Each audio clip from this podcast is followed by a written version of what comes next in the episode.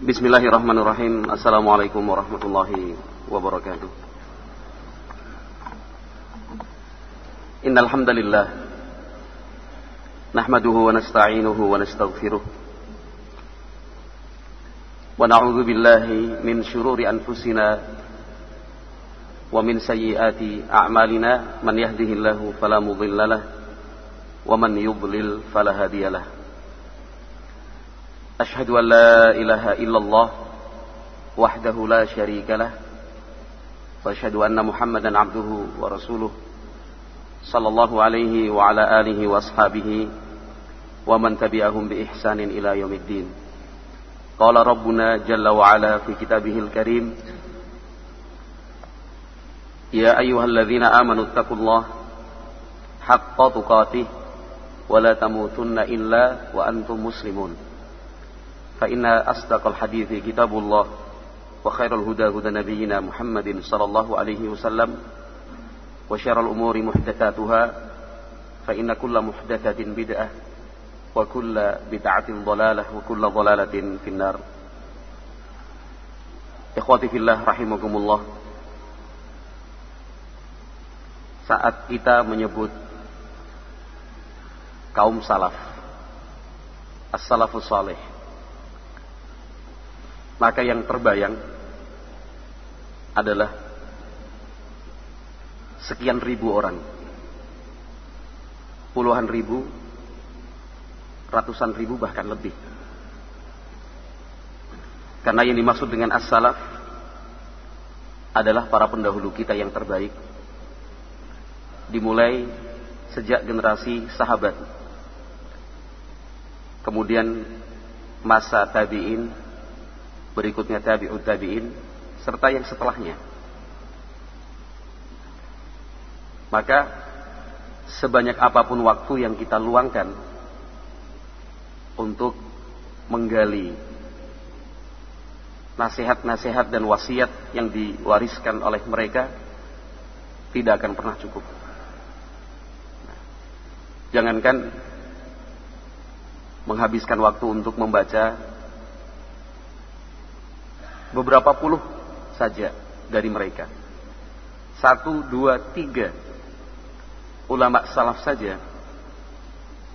Seandainya betul-betul dibaca biografi mereka dari awal hingga akhir menghabiskan sekian lama waktu. Apalagi hanya sedikit dari kita yang benar-benar bisa meluangkan waktu sebanyak mungkin. Kita bisa membuat sebuah perbandingan atau prosentase. Ya, ada ratusan ribu salaf, masing-masing memiliki biografi yang panjang, panjang dan penuh dengan ibroh serta pelajaran hidup. Dibandingkan dengan waktu yang kita berikan untuk membacanya. Satu pekan hanya beberapa jam saja. Maka bisa dipastikan sampai usia kita habis, umur kita yang paling akhir harinya tidak akan pernah selesai membaca. Akan tetapi mala yudrakul mala yudraku kulluh la yutraku julluh kalau memang tidak bisa semua dibaca, minimalnya ada ikhtiar dan usaha dari kita sedikit saja. Karena yang sedikit itu pun kita rasakan sulit untuk mengamalkan dan mempraktekkan dalam kehidupan sehari-hari. Tetapi sesulit apa pun itu, karena sudah menjadi komitmen kita untuk berjalan di atas bimbingan Al-Quran, bimbingan sunnah Nabi Muhammad sallallahu alaihi wasallam dengan pemahaman as-salafus salih itu adalah komitmen kita maka sesulit apa pun itu maka tidak ada alasan bagi kita untuk tidak melakukannya. Maka satu-satunya jalan keluar yang bisa dilakukan adalah banyak-banyak berdoa meminta dan berharap kepada Allah Azza wa agar kemudahan itu senantiasa diberikan Sebab la sahla illa ma ja'alahu Allahu sahla. Tidak ada masalah yang mudah kecuali memang yang telah dimudahkan oleh Allah Azza wa Segala sesuatu yang dimudahkan oleh Allah Azza wa tidak akan sulit untuk kita lakukan. Dalam kesempatan kali ini yang berbahagia, ikhwati fillah rahimakumullah. Ya. Dari sekian banyak ulama salaf kita, sengaja saya memilih salah satu sosok dari mereka yaitu seorang sahabat yang mulia radhiyallahu taala anhu Abdullah ibnu Mas'ud radhiyallahu taala anhu. Nah, Abdullah ibnu Mas'ud radhiyallahu taala anhu Abu Abdurrahman. Abu Abdurrahman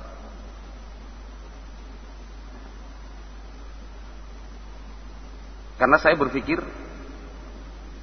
berbicara secara meluas tentang as-salafus salih. Ya. Waktu tidak akan cukup. Seperti yang telah digambarkan dan dideskripsikan di depan tadi secara ringkas. Tapi mudah-mudahan ketika kita fokus pada salah satu sosok dari mereka, lebih mengena, lebih mudah kita cerna, dan mudah-mudahan juga kita bisa meniru nah, dengan lebih maksimal insyaallah taala. Sahabat Abdullah bin Mas'ud radhiyallahu taala terbilang sebagai sahabat yang memiliki kedekatan yang sangat dengan Rasulullah sallallahu alaihi wasallam. Bukan hanya dekat, tetapi betul-betul dekat. Siapa? Abdullah bin Mas'ud radhiyallahu taala mereka yang tiba di kota Madinah dari berbagai penjuru negeri untuk menyatakan Islam atau belajar Islam atau tujuan apa pun. Ya. Mereka yang belum pernah mengenal siapa Abdullah bin Mas'ud radhiyallahu taala sebenarnya pasti akan menyimpulkan bahwa Abdullah bin Mas'ud termasuk anggota keluarga Nabi Muhammad wasallam. Kenapa? Begitu dekatnya dengan Nabi Muhammad wasallam. Sampai-sampai Nabi sallallahu alaihi wasallam memberikan kekhususan untuk sahabat Abdullah bin Mas'ud. Keluar masuk rumah tanpa izin. Nah,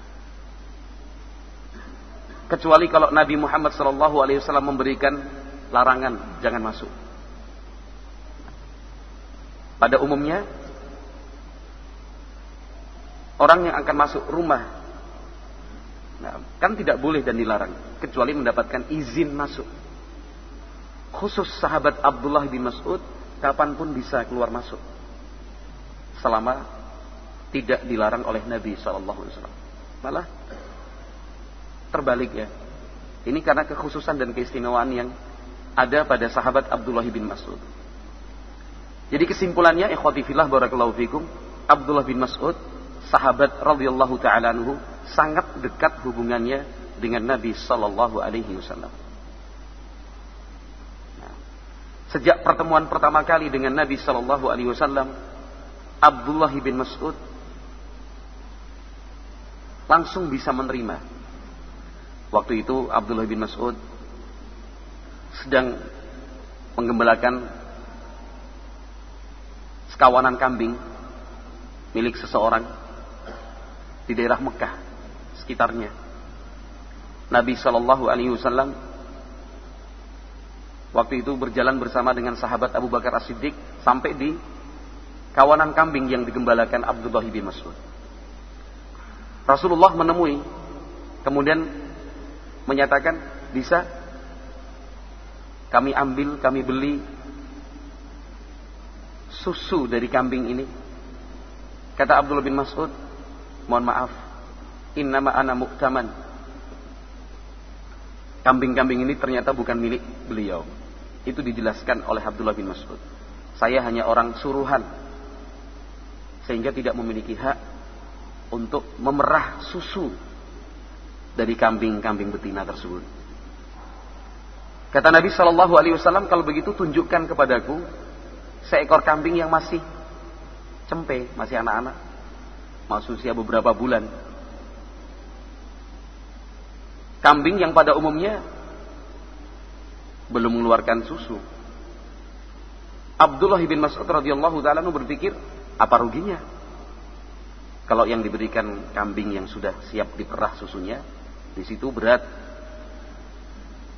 Karena itu bukan milik beliau.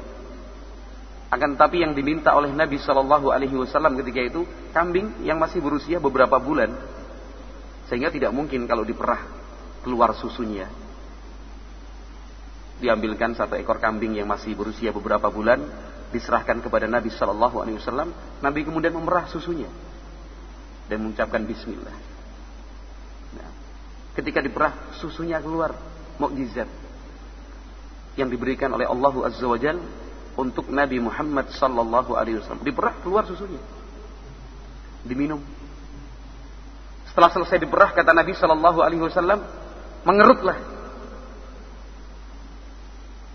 Ya. Mengerutlah. Kemudian penampungan susu itu mengerut sendiri. Tidak meneteskan susu sedikit pun. Nah, kata Abdul bin Mas'ud, alimni. Kalau gitu ajari aku dong Ngomong apa tadi kok bisa seperti itu? Kata Nabi Shallallahu Alaihi Wasallam, Innaka gulamun ulayyimun muallam. Sungguh kamu ini adalah anak yang cerdas. Nah, sebelum kita lanjutkan, ada sebuah pengumuman. Mohon dengan sangat kendaraan mobil bernomor plat B 1204 Agia untuk dikondisikan karena menghalangi jalan. Insya Allah nggak lupa nomor platnya ya. Mobil Agia B 1204 ya. Dimohon untuk dikondisikan karena menghalangi jalan. Jazakumullah khairan. Kita lanjutkan di situ pertemuan pertama. Yang sama-sama mengesankan Abdullah bin Mas'ud terkesan dengan Rasulullah sallallahu alaihi wasallam Nabi Muhammad pun demikian sampai berucap innaka hulayyimun muallam. Sungguh engkau adalah anak yang cerdas nah, dan punya keinginan untuk belajar. Radhiyallahu ta'ala Masuk Islam. Bahkan minas sabiqin al-awwalin. Termasuk golongan pertama yang menyatakan Islam. Beliau adalah sahabat yang mengikuti perang Badar berhijrah dua kali. Yang pertama ke Habasyah, kemudian pulang kembali ke Mekah, lalu berangkat lagi berhijrah ke kota Madinah. Nah, Al-Imam Az-Zahabi rahimahullah dalam kitabnya Syiar A'lamin Nubala, kitab ini adalah rujukan utama dalam pertemuan kita di siang hari ini. Al-Imam Az-Zahabi rahimahullah menyatakan Al-Imam Al-Habru Faqihul Ummah Abu Abdurrahman Al-Huzaliyu Al-Makkiyu Al-Muhajiriyu Al-Badriyu Halifu Bani Zuhrah. Abdullah bin Mas'ud adalah seorang imam yang luas keilmuannya menjadi tokoh fikih di kalangan umat Islam. Abu Abdurrahman dari suku Huzail Mekah seorang sahabat dari kalangan muhajirin mengikuti perang Badar. Halif Bani Zuhrah. Nah.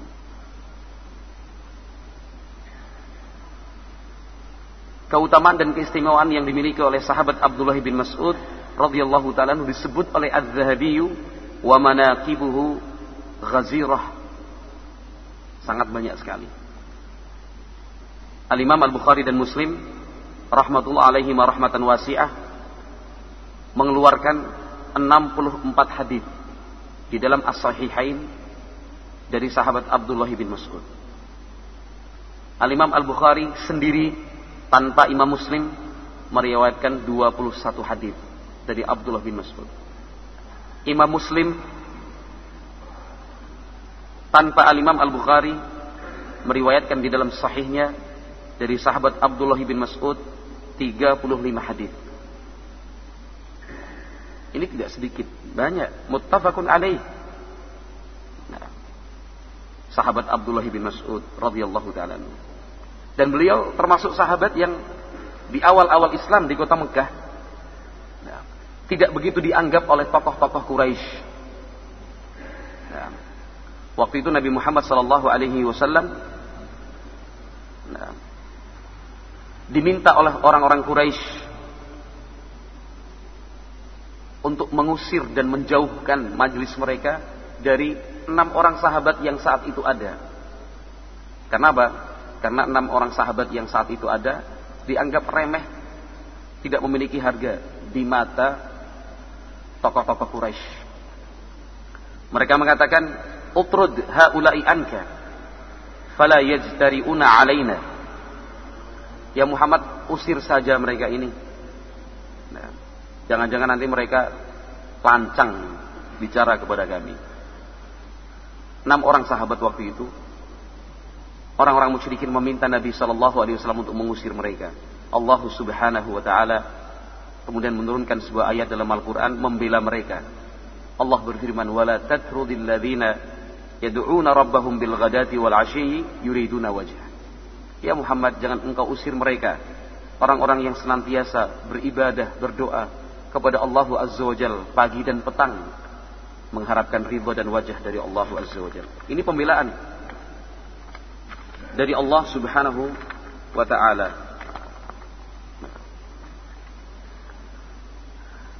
Karena begitu dekatnya hubungan Abdullah bin Mas'ud radhiyallahu taala maka beliau memiliki kesempatan yang luas untuk kemudian menimba secara langsung ilmu dari Nabi Shallallahu alaihi wasallam terutama ilmu Al-Quran. 70 surat itu langsung diperoleh oleh Abdullah bin Mas'ud dari Nabi Shallallahu Alaihi Wasallam ditalkin oleh Nabi Shallallahu Alaihi Wasallam. 70 surat. Nah. kemudian Nabi Shallallahu Alaihi Wasallam menyatakan man kana yuridu an yaqra al-Quran kama unzil ghadban falyaqra ala ibni ummi abdin. Nabi Shallallahu Alaihi Wasallam memberikan rekomendasi siapa pun yang mau belajar membaca Al-Quran persis seperti bacaan Al-Quran itu diturunkan pertama kali silahkan belajar kepada Ibnu Ummi Abdin. Siapa Ibnu Ummi Abdin? Abdullah bin Mas'ud radhiyallahu taala mendapatkan rekomendasi. Bacaan Al-Quran beliau itu persis sama dengan Al-Quran itu ketika diturunkan radhiyallahu taala nah, maka beliau adalah ahli fikih, ahli tafsir, nah, memiliki semangat untuk berjihad fi sabilillah, kuat di dalam beribadah, kata-katanya mutiara dan hikmah. Ini Abdullah bin Mas'ud radhiyallahu taala gigih di dalam mengamalkan sunnah Nabi Shallallahu Alaihi Wasallam, berpegang teguh dengan ajaran dan tuntunan Nabi Shallallahu Alaihi Wasallam. Nah, Abdullah bin Mas'ud radhiyallahu taala Nah, Suatu saat Nabi Shallallahu Alaihi Wasallam mendengar sahabat-sahabatnya tertawa. Iya. Kembali kami umumkan kepada pemilik mobil kendaraan Avanza Silver B1237 CVA juga mobil Xenia hitam B1375 BKI dimohon untuk dikondisikan karena menghalangi jalan. Saya ulangi kembali, mobil Avanza Silver B1237 CVA. Yang kedua mobil Xenia hitam B1375 BKI. Mohon dikondisikan karena menghalangi jalan. Kembali kepada materi kita. Waktu itu Nabi Shallallahu Alaihi Wasallam menyaksikan sebagian sahabat tertawa Kemudian beliau bertanya, ada apa kalian tertawa? Mereka mengatakan, lucu ya Rasulullah. Karena waktu itu mereka menyaksikan Abdullah bin Mas'ud, Mas'ud sedang naik pohon. Kemudian angin kencang datang menerpa kain yang digunakan. Sehingga terlihat betis, salah satu betisnya yang kecil. Bahkan dua-duanya, dikot sakai.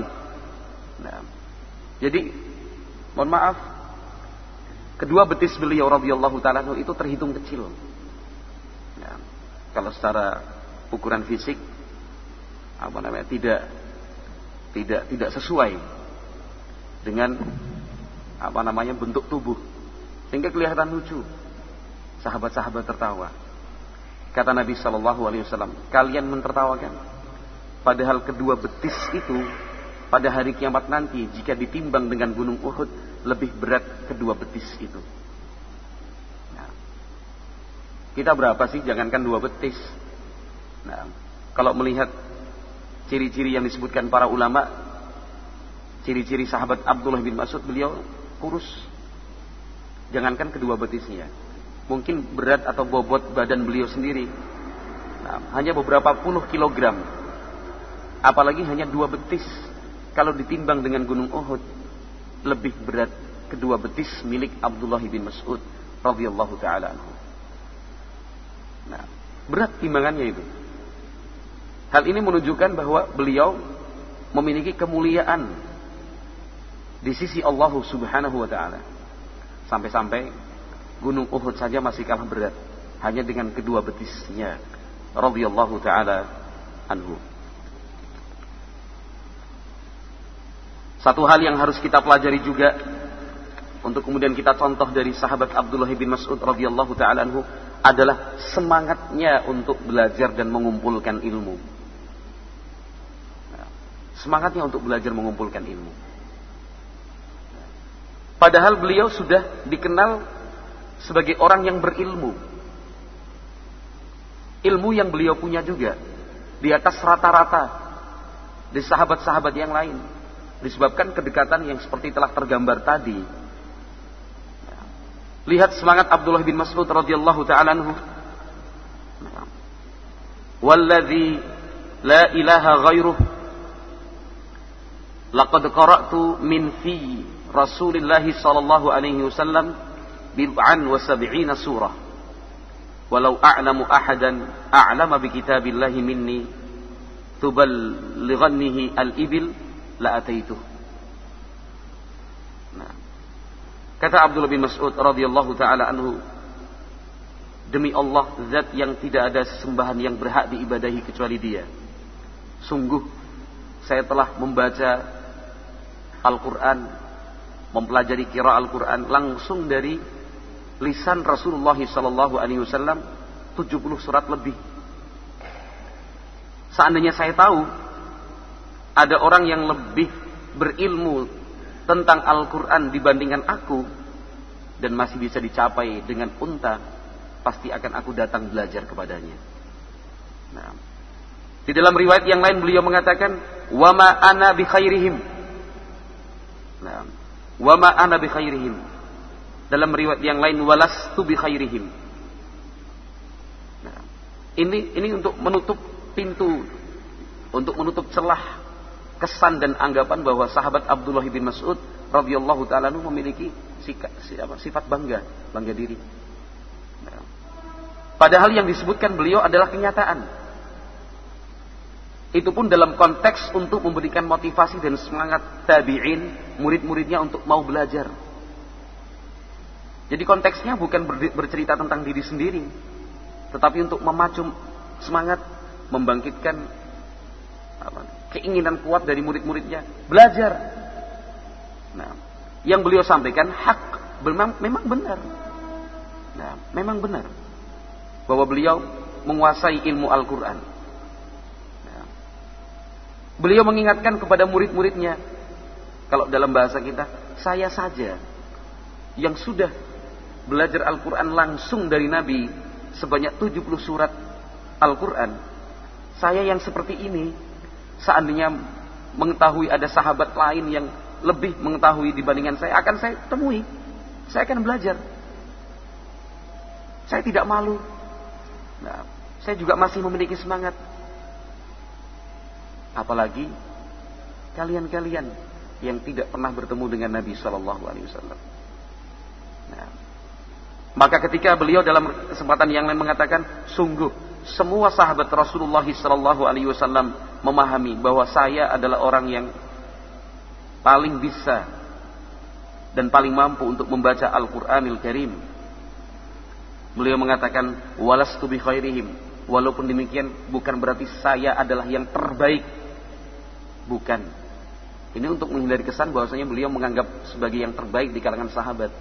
Nah, artinya beliau mengatakan para sahabat-sahabat itu mengakui walas bi khairihim, tetapi bukan berarti saya adalah yang terbaik dari mereka.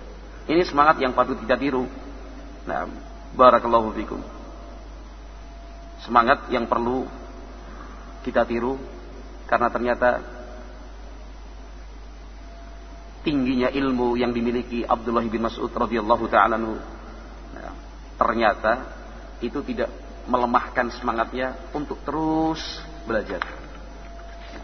Itu Abdullah bin Mas'ud radhiyallahu taala apalagi kita. Yang tidak bisa dibandingkan apa-apa dengan apa yang beliau ketahui, ilmu yang beliau punya. Nah, karena keilmuan yang dimiliki oleh sahabat Abdullah bin Mas'ud inilah maka Abu Bakar As-Siddiq, Umar Ibn Khattab radhiyallahu taala selalu dan senantiasa nah, menjadikan Abdullah bin Mas'ud sebagai salah satu sumber rujukan. Begitu cintanya Umar Ibn Khattab kepada Abdullah bin Mas'ud sampai hal itu terlihat jelas. Kalau misalkan sedang bermajlis berkumpul Abdullah bin Mas'ud datang disambut oleh Umar bin Khattab. Nah, diajak ngobrol berdua. Terlihat wajah Umar bin Khattab berseri-seri dan bahagia. Padahal betapa berat beban yang dipikul seorang khalifah. Khalifah Umar bin Khattab radhiyallahu taala tapi seakan-akan masalah yang beliau hadapi hilang, tidak terasa. Nah, wajahnya, wajah beliau, wajah Umar bin Khattab berganti dengan bahagia dengan sebab kedatangan Abdullah bin Mas'ud radhiyallahu taala anhu. Nah. Ikhwati fillah rahimani wa rahimakumullah. Sebagai bukti bahwa sahabat Abdullah bin Mas'ud radhiyallahu taala anhu mengajarkan ketawabuan untuk kita. Beliau pernah mengatakan, "Wallahi alladzi la ilaha ghairuh Lau ta'lamuna ilmi lahathaitumut turaba ala ra'si. Kata Abdullah bin Mas'ud radhiyallahu taala nusa, demi Allah, zat yang tidak ada sembahan yang berhak diibadahi kecuali Dia. Seandainya kalian tahu sesungguhnya diriku itu seperti apa, pasti kalian akan rame-rame mengambil pasir lalu menaburkannya di atas kepalaku. Dalam kesempatan yang lain beliau mengatakan lau ta'lamuna dzunubi ma wati'a aqibi idnan wala hataitu turaba ala ra'si. Nah. Kata beliau seandainya kalian mengerti dan mengetahui dosa-dosa yang aku lakukan. Tidak akan mungkin ada dua orang yang mau menjadi pengikutku berjalan di belakangku. Kalian akan ambil pasir lalu menaburkannya di atas kepalaku. Radhiyallahu taala. Sebuah bukti ketawaduan dari seorang sahabat yang patut kita tiru.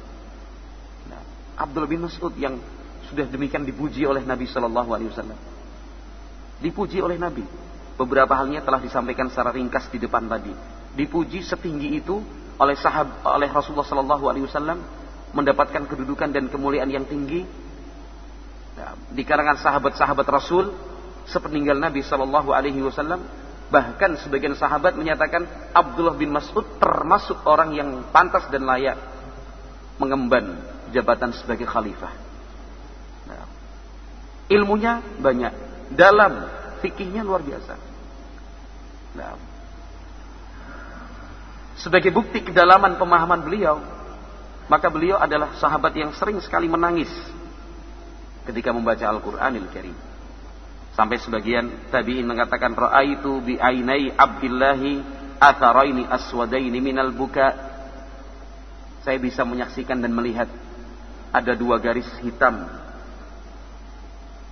yang membentuk di bawah kedua kelopak mata Abdullah bin Mas'ud karena seringnya menangis. Kok sampai membekas hitam begini? Leret yang sebelah gini segaris hitam berapa banyak air mata yang mengaliri menunjukkan sering sekali menangis sampai tanda begini. Bukan tanda jahitan karena jatuh celakaan. Bukan karena dulu pernah dibacok orang. Dulu waktu zaman SMA tawuran. Kan. Tanda hitamnya barakallahu fikum tanda menangis. Radhiyallahu taala. Dan memang bacaan sahabat Abdullah bin Mas'ud memang seakan-akan menusuk tepat. Sampai-sampai Nabi Shallallahu Alaihi Wasallam pernah memanggil Abdullah bin Mas'ud, Iqra alayyal Quran. Kata Nabi Shallallahu Alaihi Wasallam, tolong bacakan Al Quran untukku. Kata Abdullah bin Mas'ud, ya Rasulullah, Aqra'u alaika wa alaika unzil. Wahai Nabi Shallallahu Alaihi Wasallam, bagaimana bagaimana mungkin? Nah, saya tidak bisa membacakan Al Quran untuk anda. Saya merasa tidak mampu, merasa tidak pantas. Sebab Al-Quran itu diturunkan untuk anda. Nah, tapi Nabi Shallallahu Alaihi Wasallam menyatakan, ini uhibbu an astami'ahu min ghairi. Nabi Shallallahu Alaihi Wasallam menyampaikan, saya ingin sekali mendengarkan Al-Quran itu dibaca oleh orang lain. Karena Abdullah bin Mas'ud adalah orang dekat Nabi. Beliau tidak ingin mengecewakan Nabi Shallallahu Alaihi Wasallam. Beliau juga ingin melaksanakan apa yang diinginkan Nabi. Maka Abdullah bin Mas'ud radhiyallahu taala anhu pun membaca Al-Quran surat An-Nisa. Nah, dibaca dari awal ya ayuhan nasu taku rabbakumul ladzi khalaqakum min nafsi wahidah sampai pada ayatnya wa ji'na bika ala haula'i syahida. Ayat ini menjelaskan bagaimana ya Muhammad Nabi Shallallahu Alaihi Wasallam ternyata kedua mata beliau yang mulia telah mencucurkan air mata, menangis.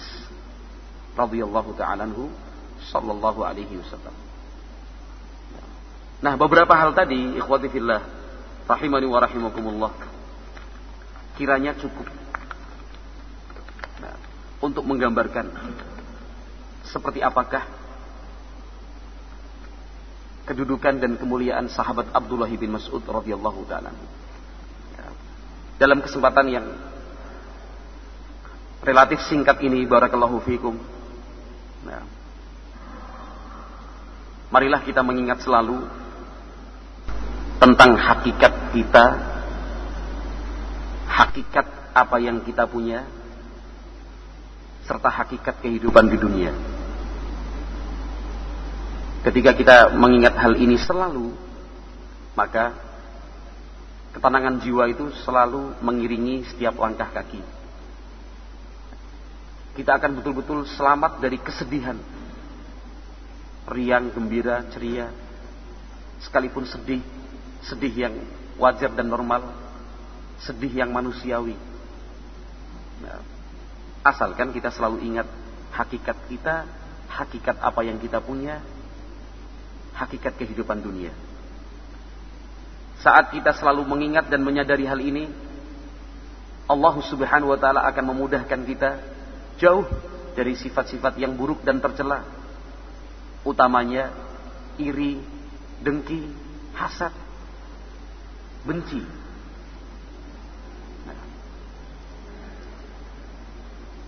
Al-Imam Ibnu Qayyim Al-Jauziyah rahimahullah. Di salah satu karya yang beliau tulis yaitu kitab Uddatus Sabirin halaman 325 sampai 326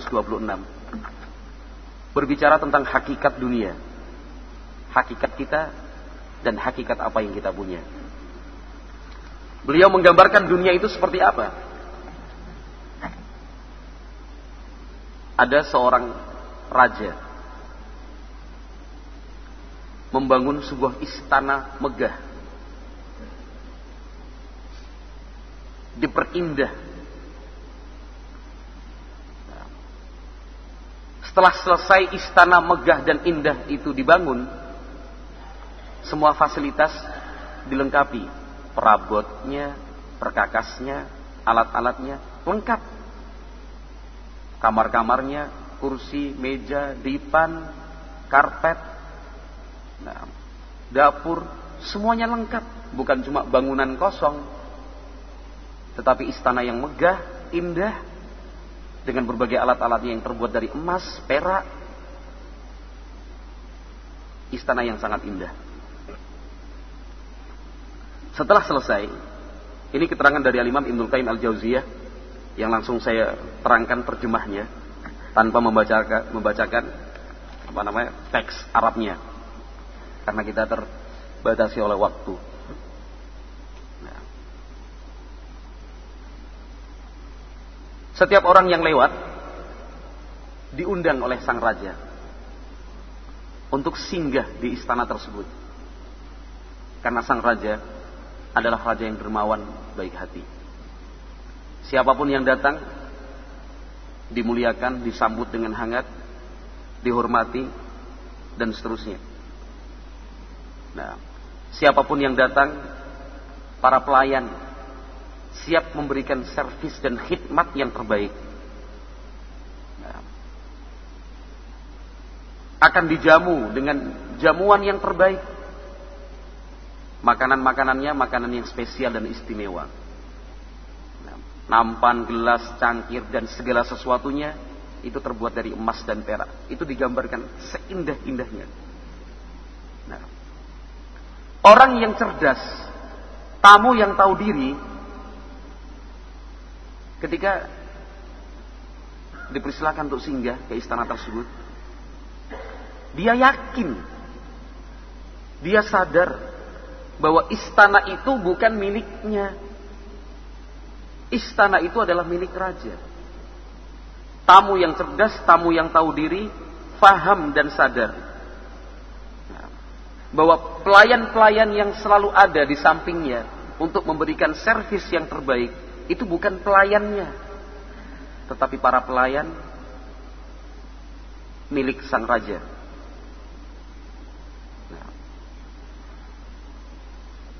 Tamu yang cerdas, tamu yang tahu diri, mengerti betul bahwa tempat dia singgah, tempat dia istirahat harus sesuai dengan arahan. Ditempatkan di sana, ya di sana. Tempatkan di sini, dia nurut aja di sini. Nah, tamu yang cerdas, tamu yang tahu diri, faham dan mengerti bahwa perkakas, perlengkapan dan perabot yang dia pakai saat itu bukan miliknya tetapi milik sang raja. Dia hanya dipersilahkan untuk menggunakannya selama tinggal di istana tersebut. Nah, sama sekali tidak pernah terbetik di dalam hatinya. Satu keinginan untuk memiliki apalagi menguasai. Jangankan istana. Sedikit aja mengambil untuk kemudian dikuasai dan dimiliki itu tidak pernah terfikir. Nah, kenapa? Karena dia sadar dan yakin itu istana bukan milik dia. Dia tinggal di sana hanya sementara. Mestinya dia bersyukur, dia berterima kasih. Nah, karena sudah disambut, diberikan banyak fasilitas dan sarana. Nah, apa yang dihidangkan dia santap. Karena hidangan yang sudah diberikan pun itu sudah yang terbaik. Dia tidak akan bertanya, masih ada enggak yang lain? Apakah ada yang lebih baik dari hidangan ini? Itu tidak pernah dia ucapkan, tidak pernah dia tanyakan. Kenapa? Dia adalah tamu yang tahu diri. Nah, dia yakin bahwa raja yang memiliki istana tersebut pasti memberikan yang terbaik untuknya. Tidak ada yang disembunyikan, tidak ada yang dihalang-halangi. Semua adalah serba terbaik pelayanan nomor satu, sajian menu makanan nomor satu, alat-alat perkakasnya pun nomor satu, semua nomor satu. Dia sadar dan yakin. Nah, nah tamu yang cerdas dan tahu diri seperti ini, barakallahu fikum, ketika masuk pertama kali dalam keadaan kariman, wa tamatta'a fiha kariman, wa faraqaha kariman, wa rabbud dari ghaira ghairu dhamin lahu. Kata Syekhul Islam Ibnul Qayyim Al-Jauziyah, tamu yang seperti ini, yang cerdas dan tahu diri, ketika dia masuk dimuliakan, selama tinggal dan menetap di istana tersebut dimuliakan, ketika keluar meninggalkan istana tersebut juga dalam keadaan dimuliakan. Sang pemilik istana sama sekali tidak marah dan murka kepada tamu yang seperti ini. Ikhwati rahimakumullah. Sebaliknya, tamu yang ahmak. Ibnul Qayyim menyebutnya ahmak. Tamu yang mohon maaf ya, bodoh. Ahmak lebih dari sekedar bodoh. Kalau bahasa kita mohon maaf, tolol. Tapi kita cukup gantikan dengan bodoh. Tapi Anda semua yang mendengarkan ketika saya mengatakan tamu yang bodoh, langsung yang masuk ke telinga bukan bodoh, tolol ya.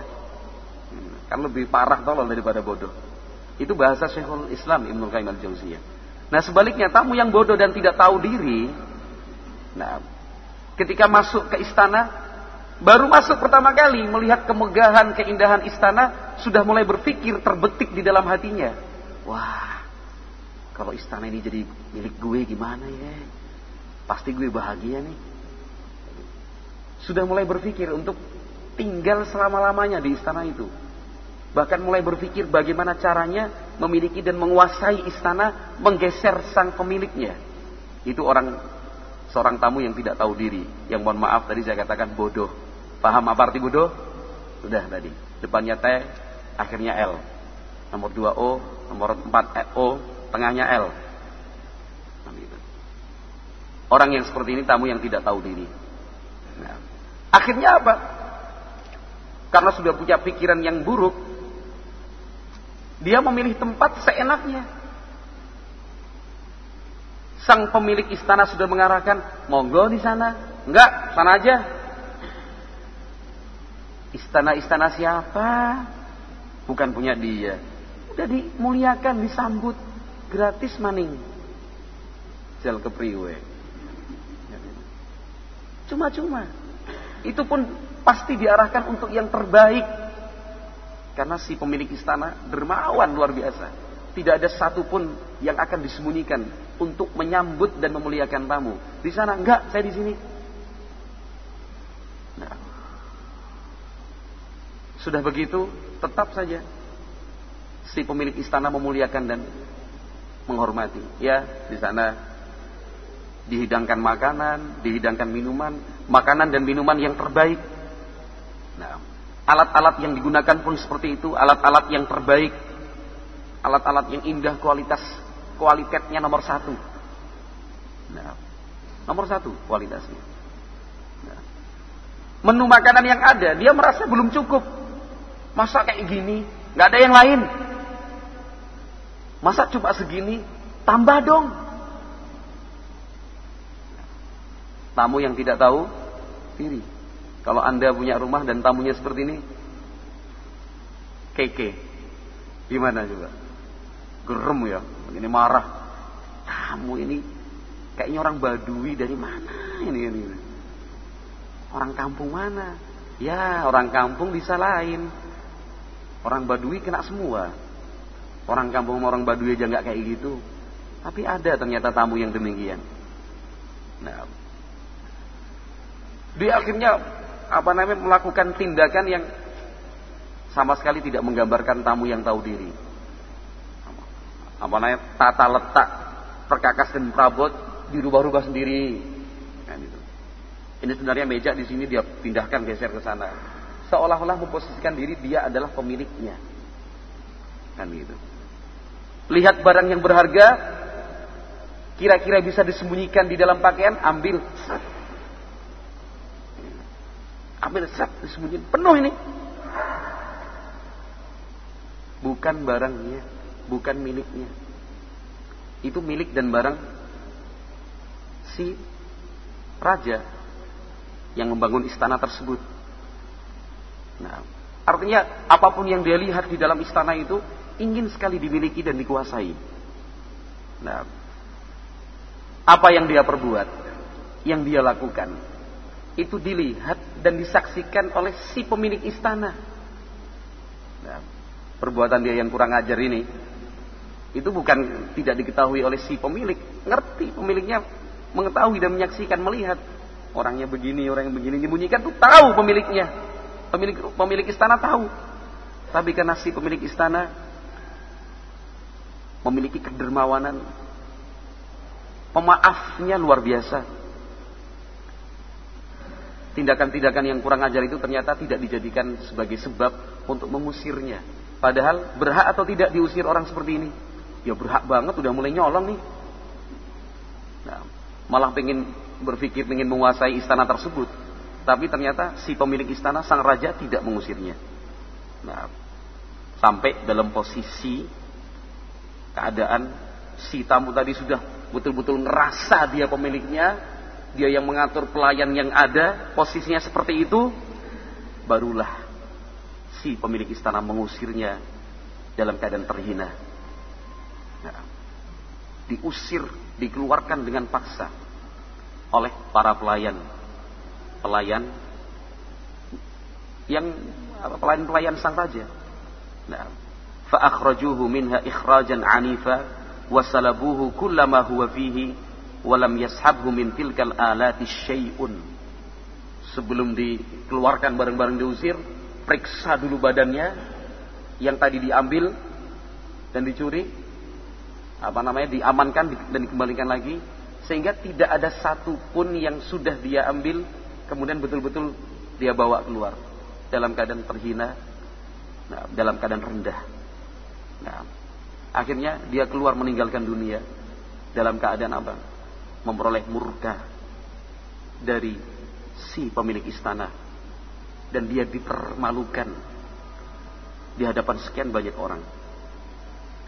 Nah, kata Syekhul Islam Ibnu Qayyim Al-Jauziyah rahimahullah, "Fal yata'ammalil labibu hadzal mithal haqqat ta'ammul fa innahu mutabiqun lil haqiqati wallahu musta'an." Silahkan orang yang cerdas merenungkan baik-baik, meresapi dalam-dalam. Nah, permisalan di atas tadi. Karena sesungguhnya permisalan di atas tadi itu sangat sesuai dengan kenyataan hidup kita di dunia. Wallahu musta'an. Hanya kepada Allah Subhanahu wa taala kita mengharapkan pertolongan dan bantuan. Itu gambaran yang diberikan oleh Al-Imam Ibnu Qayyim Al-Jauziyah tentang kita, apa yang kita punya dan hakikat hidup di dunia. Antara hamba yang tahu diri dan hamba yang tidak tahu diri. Hamba yang cerdas dan hamba yang bodoh Gambaran ringkasnya seperti yang telah kita dengar tadi. Hamba yang cerdas, faham dan sadar hidup di dunia ini sementara.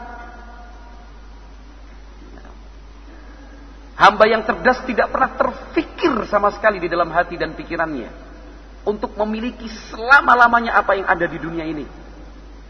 Karena dia yakin ini semua milik siapa? Milik Allah Subhanahu wa taala. Dia yakin dan sadar ini bukan miliknya. Ini milik Allah subhanahu wa ta'ala. Sehingga dia tidak pernah berpikir.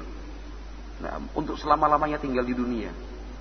Nah, aku ingin hidup seribu tahun lagi. Karawang Bekasi dong. Umur manusia. Ingin hidup seribu tahun lagi. Keinginan orang Yahudi yang seperti ini. Nah, lau ya'ammaru alfasanah kan itu. Seandainya mereka mendapatkan umur dan usia sampai seribu tahun, ini kan apa namanya cita-cita kosong dan khayalan apus-apus dari orang Yahudi kan gitu ya. Pengen hidup seribu tahun, gimana bisa? Ingin dikuasai, ini milikku, itu punyaku. Nah. Ketika apa yang ada di tangannya hilang, diambil orang, marah, benci. Kan gitu. Dibalas,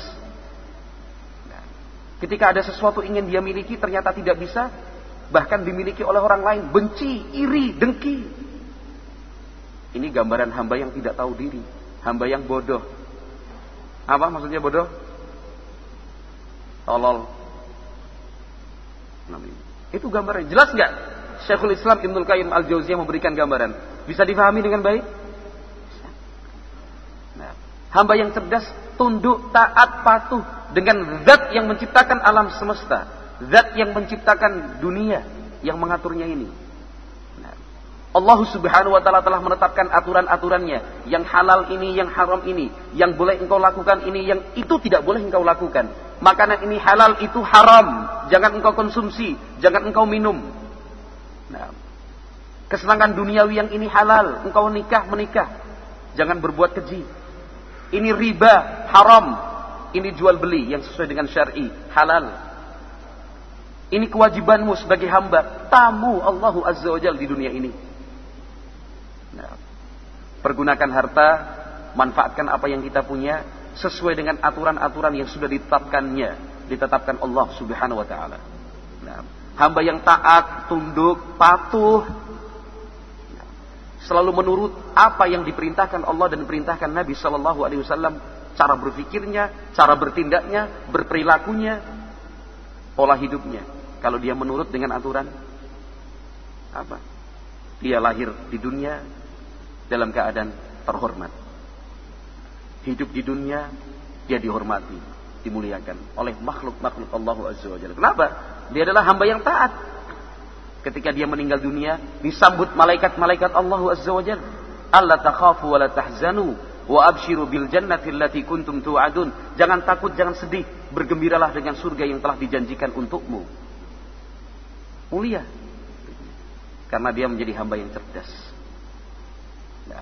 Tapi hamba yang bodoh, ret, tolol. Ya begitu. Ya. Rakus, tamak, Allah sudah memberi untuknya, masih aja kurang. Nggak ada yang lain apa?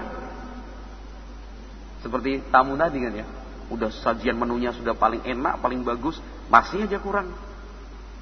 Nah, yang itu tidak boleh dia lakukan, yang ini harus dilakukan, malah tidak dia lakukan. Tempatmu di sini, malah pindah ke sana. Dia merubah-rubah apa yang ditetapkan Allah Azza Akhirnya apa? Hidup di dunia ini terhina Walaupun mungkin ada orang yang menghormatinya tetapi itu hanya kosong tanpa makna. Nah, keluar meninggalkan dunia dalam keadaan terhina pula. Apalagi nanti di hari kiamat. Nah, gambaran ini oleh Ibnul Qayyim Al-Jauziyah rahimahullah kemudian beliau kaitkan dengan salah satu nasihat dari sahabat lanjutkan dari sahabat? Ah, iya kan harus dikaitkan dong. Tadi cerita Abdullah bin Mas'ud kok sekarang tentang gambaran dunia. Apa kaitannya kan gitu? Saya ulangi kembali keterangan dari Syekhul Islam Ibnu Qayyim Al-Jauziyah tadi tentang hakikat dunia, hakikat kita dan hakikat apa yang kita punya. Nah, itu kemudian beliau kaitkan masih dalam tulisan yang sama, referensi yang sama. Beliau kaitkan dengan ucapan sahabat. Jangan-jangan lupa tadi Kebanyakan judul kali ya. Dijadiin satu kan gitu. Dikaitkan dengan ucapan sahabat sahabat Abdullah bin Mas'ud radhiyallahu taala Ternyata keterangan yang kita dengar tadi, keterangan yang disampaikan oleh Ibnu Qayyim Al-Jauziyah adalah penjelasan dan penjabaran dari salah satu nasihat yang diberikan oleh sahabat Abdullah bin Mas'ud radhiyallahu taala Abdullah bin Mas'ud mengatakan, "Kullu ahadin fi hadhihi dunya dhaifun wa maluhu ariyatun fadhaifu murtahilun wal ariyatu muaddatun Kata sahabat Abdullah bin Mas'ud radhiyallahu taala semua orang yang hidup di dunia ini statusnya adalah tamu. Harta yang dia punya hanya pinjaman sementara.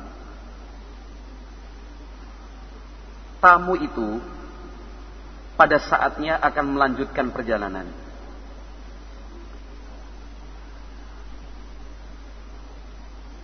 Harta sesuatu yang dia pinjam tadi akhirnya akan dikembalikan kepada yang punya. Itu kata-kata bijak dari sahabat siapa? Abdullah bin Mas'ud radhiyallahu taala. Jadi status kita di dunia ini cuma tamu, Mas. Apa yang melekat di tubuh kita apa yang kita punya, kita miliki dan kita kuasai itu hanya titipan. Milik siapa? Hakikatnya milik siapa? Milik Allah Subhanahu wa taala. Kita tidak akan selamanya tinggal di dunia, akan melanjutkan perjalanan menuju akhirat. Apa yang kita pakai di dunia ini akhirnya kembali juga kepada Allah Subhanahu wa taala. Apakah yang kita punya kemudian semuanya dibawa masuk ke dalam kubur? Tidak mungkin. Yang kita bawa ke dalam kubur hanya tiga lembar kain kafan yang harganya tidak lebih dari 70 ribu. Nggak tahu di Jakarta berapa ya. Mungkin lebih mahal. Nah, hanya itu yang kita bawa. Untuk harta yang sifatnya materi. Tetapi yang betul-betul akan menemani, kita di dalam kubur hanya amal. Karena yatba'ul mayyita thalathah. Yarji'u thnan wa yabqa wahid. Yarji'u ahluhu wa maluhu wa yabqa amaluh. Hadith Anas bin Malik. Kata Nabi Shallallahu Alaihi Wasallam orang yang meninggal dunia itu masih diiringi oleh tiga yang kedua yang dua pulang kembali meninggalkan dia yang satu tetap menemani di dalam kuburnya. Semua keluarganya yang tadi mengiringi dengan isak tangis dan sedih barangkali setelah ditutup liang kubur ada gundukan tanah sesuai tanah yang dikeluarkan sebelumnya selesai tangisan apa segala macam mereka pulang kembali meninggalkan yang di dalam kubur sendiri. Harta dia ikut mengiringi mobilnya, motor milik dia, ikut menemani.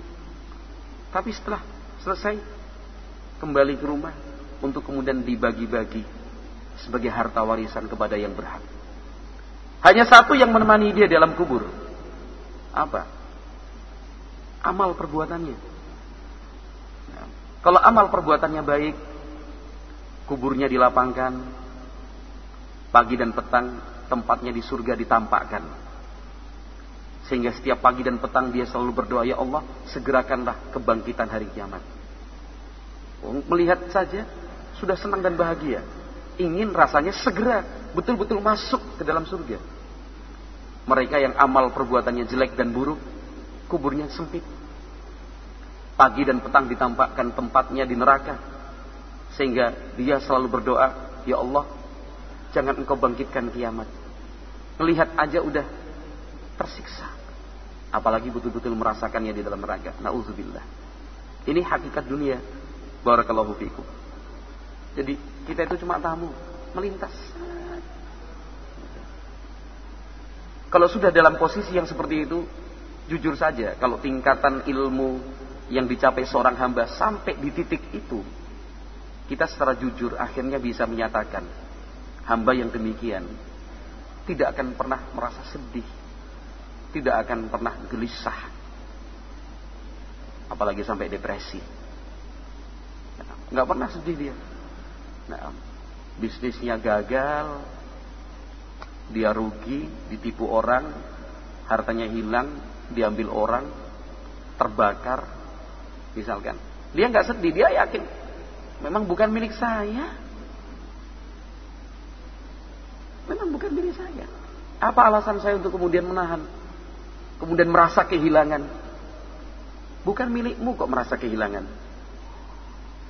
Sama halnya seperti A dan si B. Nggak kenal sama sekali. Nggak kenal sama sekali. Si A dan si B. Barang milik si A hilang. Si B kira-kira merasa kehilangan? Jujur loh jawabannya. Yang hilang barang milik si A. Si B ikut merasa kehilangan? Enggak, karena dia yakin, oh bukan barang gue, ngapain juga gue sedih. Habis-habisin waktu aja mikirin barang orang yang hilang. Gitu maksudnya. Si B tenang-tenang aja. Mestinya kita bisa seperti itulah kira-kira. Nah, hilang rugi ditipu orang, semuanya. Nah, sakit, jabatan diturunkan, gaji dipotong, di PHK macam-macam, semualah. Sembako naik, BBM juga naik, kan itu.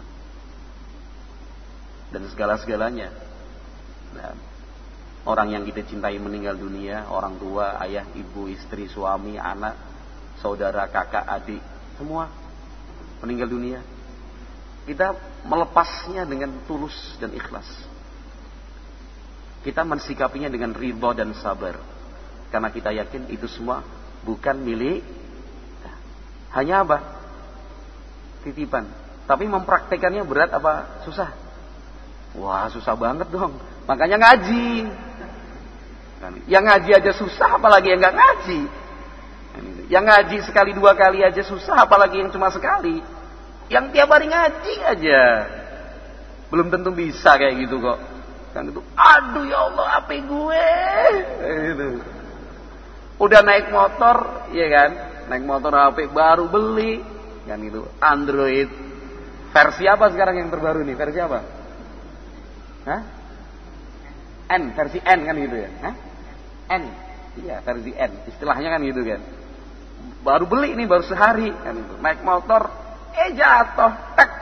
Mau balik gini kepelindes sama ban mobil. Ya Allah. Aduh, ini tiap hari ngaji. Tiap hari ngaji, tiap hari ngaji gitu. gitu. Rasa-rasanya mobil yang nabrak itu pengen gue pecahin aja kacanya itu. Supirnya punya SIM kagak nih. Ah, kan itu. Aduh, tiap hari ngaji. Astagfirullahaladzim.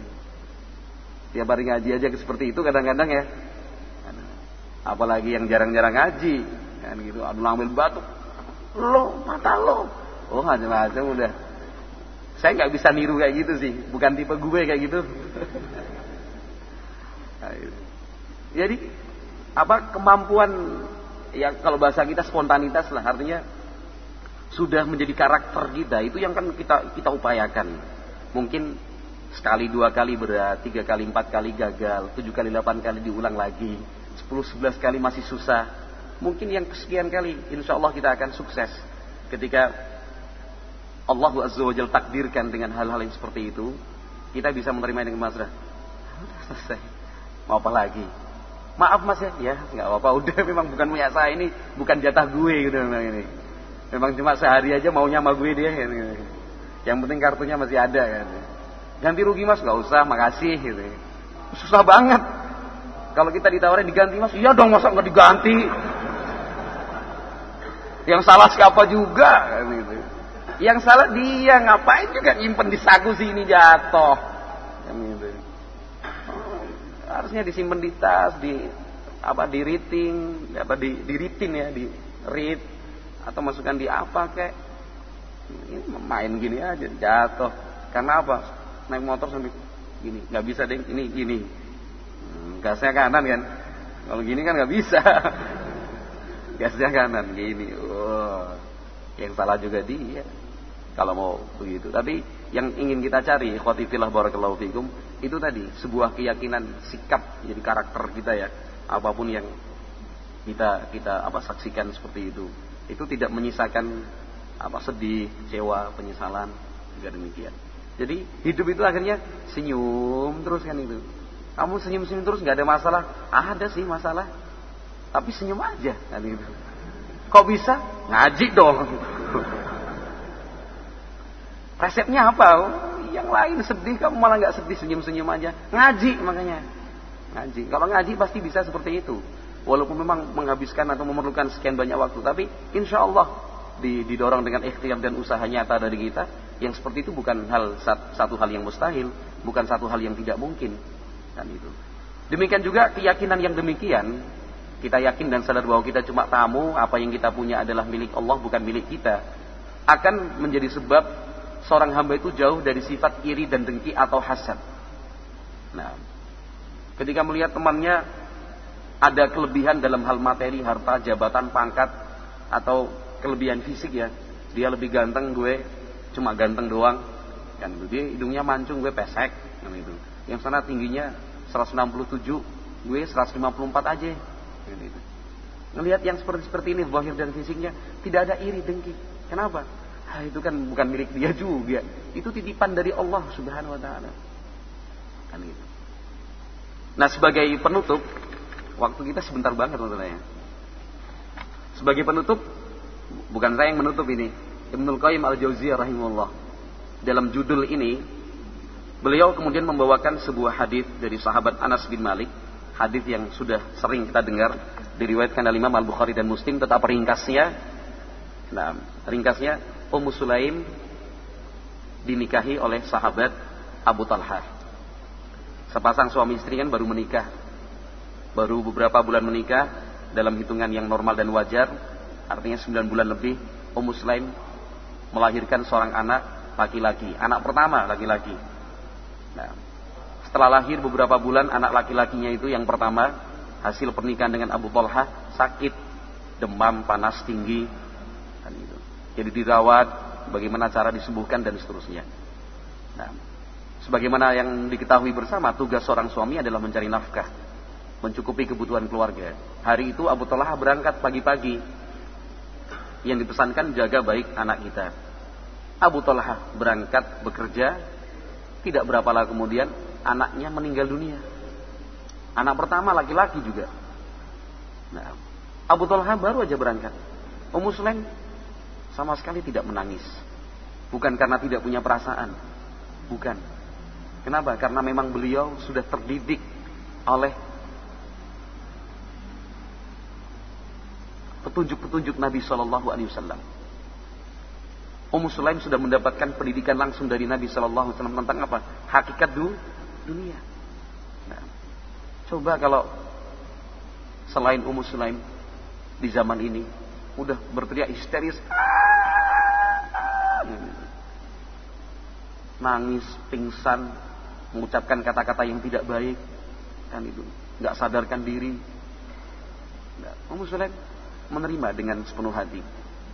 Putranya dimandikan, dikafankan, disolatkan, dimakamkan. Abu Talha bekerja, nggak tahu apa-apa. Zaman sekarang mah nggak ada HP, zaman dulu nggak ada HP. Juga nggak nyuruh orang cari Abu Talha sampai dapat beritahu anaknya meninggal hari ini. Ayo cepat. Karena beliau sudah mendapatkan pendidikan dari Nabi Shallallahu Alaihi Wasallam, pendidikan yang berhasil dan sukses. Nah, kemudian selesai pemakaman, Ummu Sulaim menyampaikan kepada pihak keluarganya, jangan ada dari kalian yang cerita Biar saya sendiri yang cerita kepada suamiku Abu Talha. Ya. Sore hari menjelang malam Abu Talha pulang. Pertanyaan pertama, anakku piye? Kan Anak kita gimana? Oh, anakmu sekarang jauh lebih tenang. Ah, ya sudah. Dia jauh lebih tenang, nggak gerak. Jauh lebih tenang, artinya tidak bergerak. Udah meninggal kok. Kan gitu. Sementara Abu Talha memahami jauh lebih tenang itu apa? Sehat. Sementara Ummu Sulaim memaksudkan jauh lebih tenang tidak bisa bergerak lagi. Wah seneng. Baru pulang kerja, makan, tentunya maghrib dan isya juga. Makan malam, sambil dengan keyakinan itu bahwa anaknya sehat itu. Jadi tidak perlu niat dan nengok. Udah percaya dengan jawaban istrinya. Malam itu Ummu Sulaim radhiyallahu anha bersolek secantik-cantiknya, berhias semanis-manisnya Makanan malamnya spesial, dan danannya pun spesial. Radhiyallahu anha. Akhirnya terjadi hubungan suami istri. Selesai hubungan suami istri dilakukan, itu kan saat-saat yang paling romantis antara suami dan istri. Deket-deketnya ya. Dekat secara fisik, dekat secara hati. Nah, di situ baru heart to heart. Kan itu. Dari hati ke hati langsung dalam percakapan yang penuh suasana cinta dan romantis seperti itu. Kata Ummu Sulaim, "Ya Aba Talha, Ara'aita law anna qauman a'aru ariyatahum ahla baitin. Wahai Abu Talha, menurutmu bagaimana kira-kira? Andai kata ada orang menitipkan barang di sebuah keluarga. Kemudian pada saatnya si pemilik barang itu datang untuk mengambil kembali barang titipannya. Kata Ummu Sulaim pertanyaannya, "Alahum an yamna'uha?" Boleh enggak sih pihak keluarga tersebut menghalang-halangi. Nggak boleh diambil, jangan, punya siapa ini? Kata Abu Talha, ya jelas nggak boleh. Lah, nggak boleh dong. Jawabannya jelas dan tegas ya. Kata Ummu Sulaim radhiyallahu anha, nah, kamu juga harus berharap mendapatkan pahala dari Allah. Karena anakmu diambil kembali oleh yang memilikinya. Nggak bisa marah dong, udah dijawab nggak boleh kok. Kan udah dijawab nggak boleh dong. Sama-sama sahabat cerdas. Allah beri keluasan berpikir. Sehingga ketika pertanyaan itu muncul langsung dikaitkan dengan anaknya, nggak bisa apa-apa. Tidak ada marah, tidak ada caci maki, tidak ada tamparan. Kan gitu. Hanya Abu Talha sempat mengatakan kau biarkan aku sampai seperti ini, baru cerita. Gitu. Tapi diterima, ridho dan sabar. Pagi hari Abu Talha datang menemui Nabi Shallallahu Alaihi Wasallam menceritakan semuanya. Kata Nabi Shallallahu Wasallam bertanya tadi malam, apa melakukan hubungan suami istri? Iya. Kemudian Nabi mendoakan barakallahu fi lailatikuma, semoga Allah berkahi malam kalian berdua tadi. Kemudian berkat doa dari Nabi Shallallahu alaihi wasallam Ummu Sulaim kembali hamil. Nah, pada masa hamil tua, pada masa hamil tua, Nabi Shallallahu alaihi wasallam mengadakan perjalanan jauh. Abu Talha dan Ummu Sulaim ikut dalam perjalanan rombongan. Sepulangnya hampir masuk kota Madinah, Ummu Sulaim sudah merasa ingin melahirkan. Ya, sakit. Mau melahirkan. Sementara Nabi Shallallahu Alaihi Wasallam memutuskan untuk tetap terus melanjutkan perjalanan, tidak usah berhenti. Rombongan Nabi melanjutkan perjalanan, tinggal Ummu Sulaim dan siapa Abu? Talha Abu Talha. Angkat tangan berdoa ya Allah, innaka la ta'lamu anni uhibbu. Nah, an akuna ma'a Rasulillah sallallahu alaihi wasallam. Akhruju ma'ahu idza kharaju adkhulu ma'ahu idza dakhal atau kama qala radhiyallahu ta'ala ya Allah, engkau Maha mengetahui bahwa hambamu ini ingin sekali selalu menyertai Nabi Shallallahu Alaihi Wasallam. Kalau beliau pergi, saya ikut pergi bersamanya. Kalau beliau pulang ke Madinah, saya juga ikut menemaninya. Sekarang keadaanku seperti ini. Selesai berdoa, Ummu mengatakan, tuh suamiku, rasa sakitnya hilang ya. Wah, langsung nyusul. Nah, akhirnya masuk ke kota Madinah bersama dengan rombongan Nabi Shallallahu Alaihi Wasallam. Sampai di rumah, barulah melahirkan. Setelah melahirkan, putra yang eh, anak yang laki-laki adalah putra laki-laki ya. Kemudian oleh kakaknya Anas bin Malik dibawa menemui Nabi Shallallahu Alaihi Wasallam, didoakan oleh Nabi, ditahnik oleh Nabi Shallallahu Alaihi Wasallam yang kemudian menjadi anak yang soleh, anak cucunya pun anak-anak cucu yang soleh. Radhiyallahu taala anhum ajmain.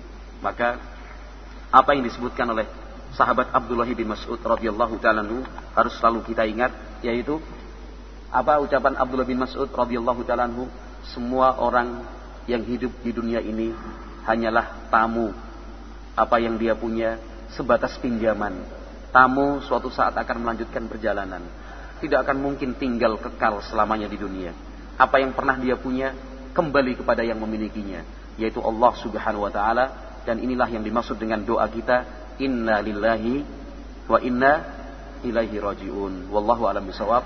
Mudah-mudahan nasihat singkat ini bermanfaat dan semoga Allah Azza wa Jalla gabungkan kita sebagai hamba-hamba yang senantiasa bersabar dan bersyukur innahu sami'un qaribun mujibu da'wat walhamdulillahi rabbil alamin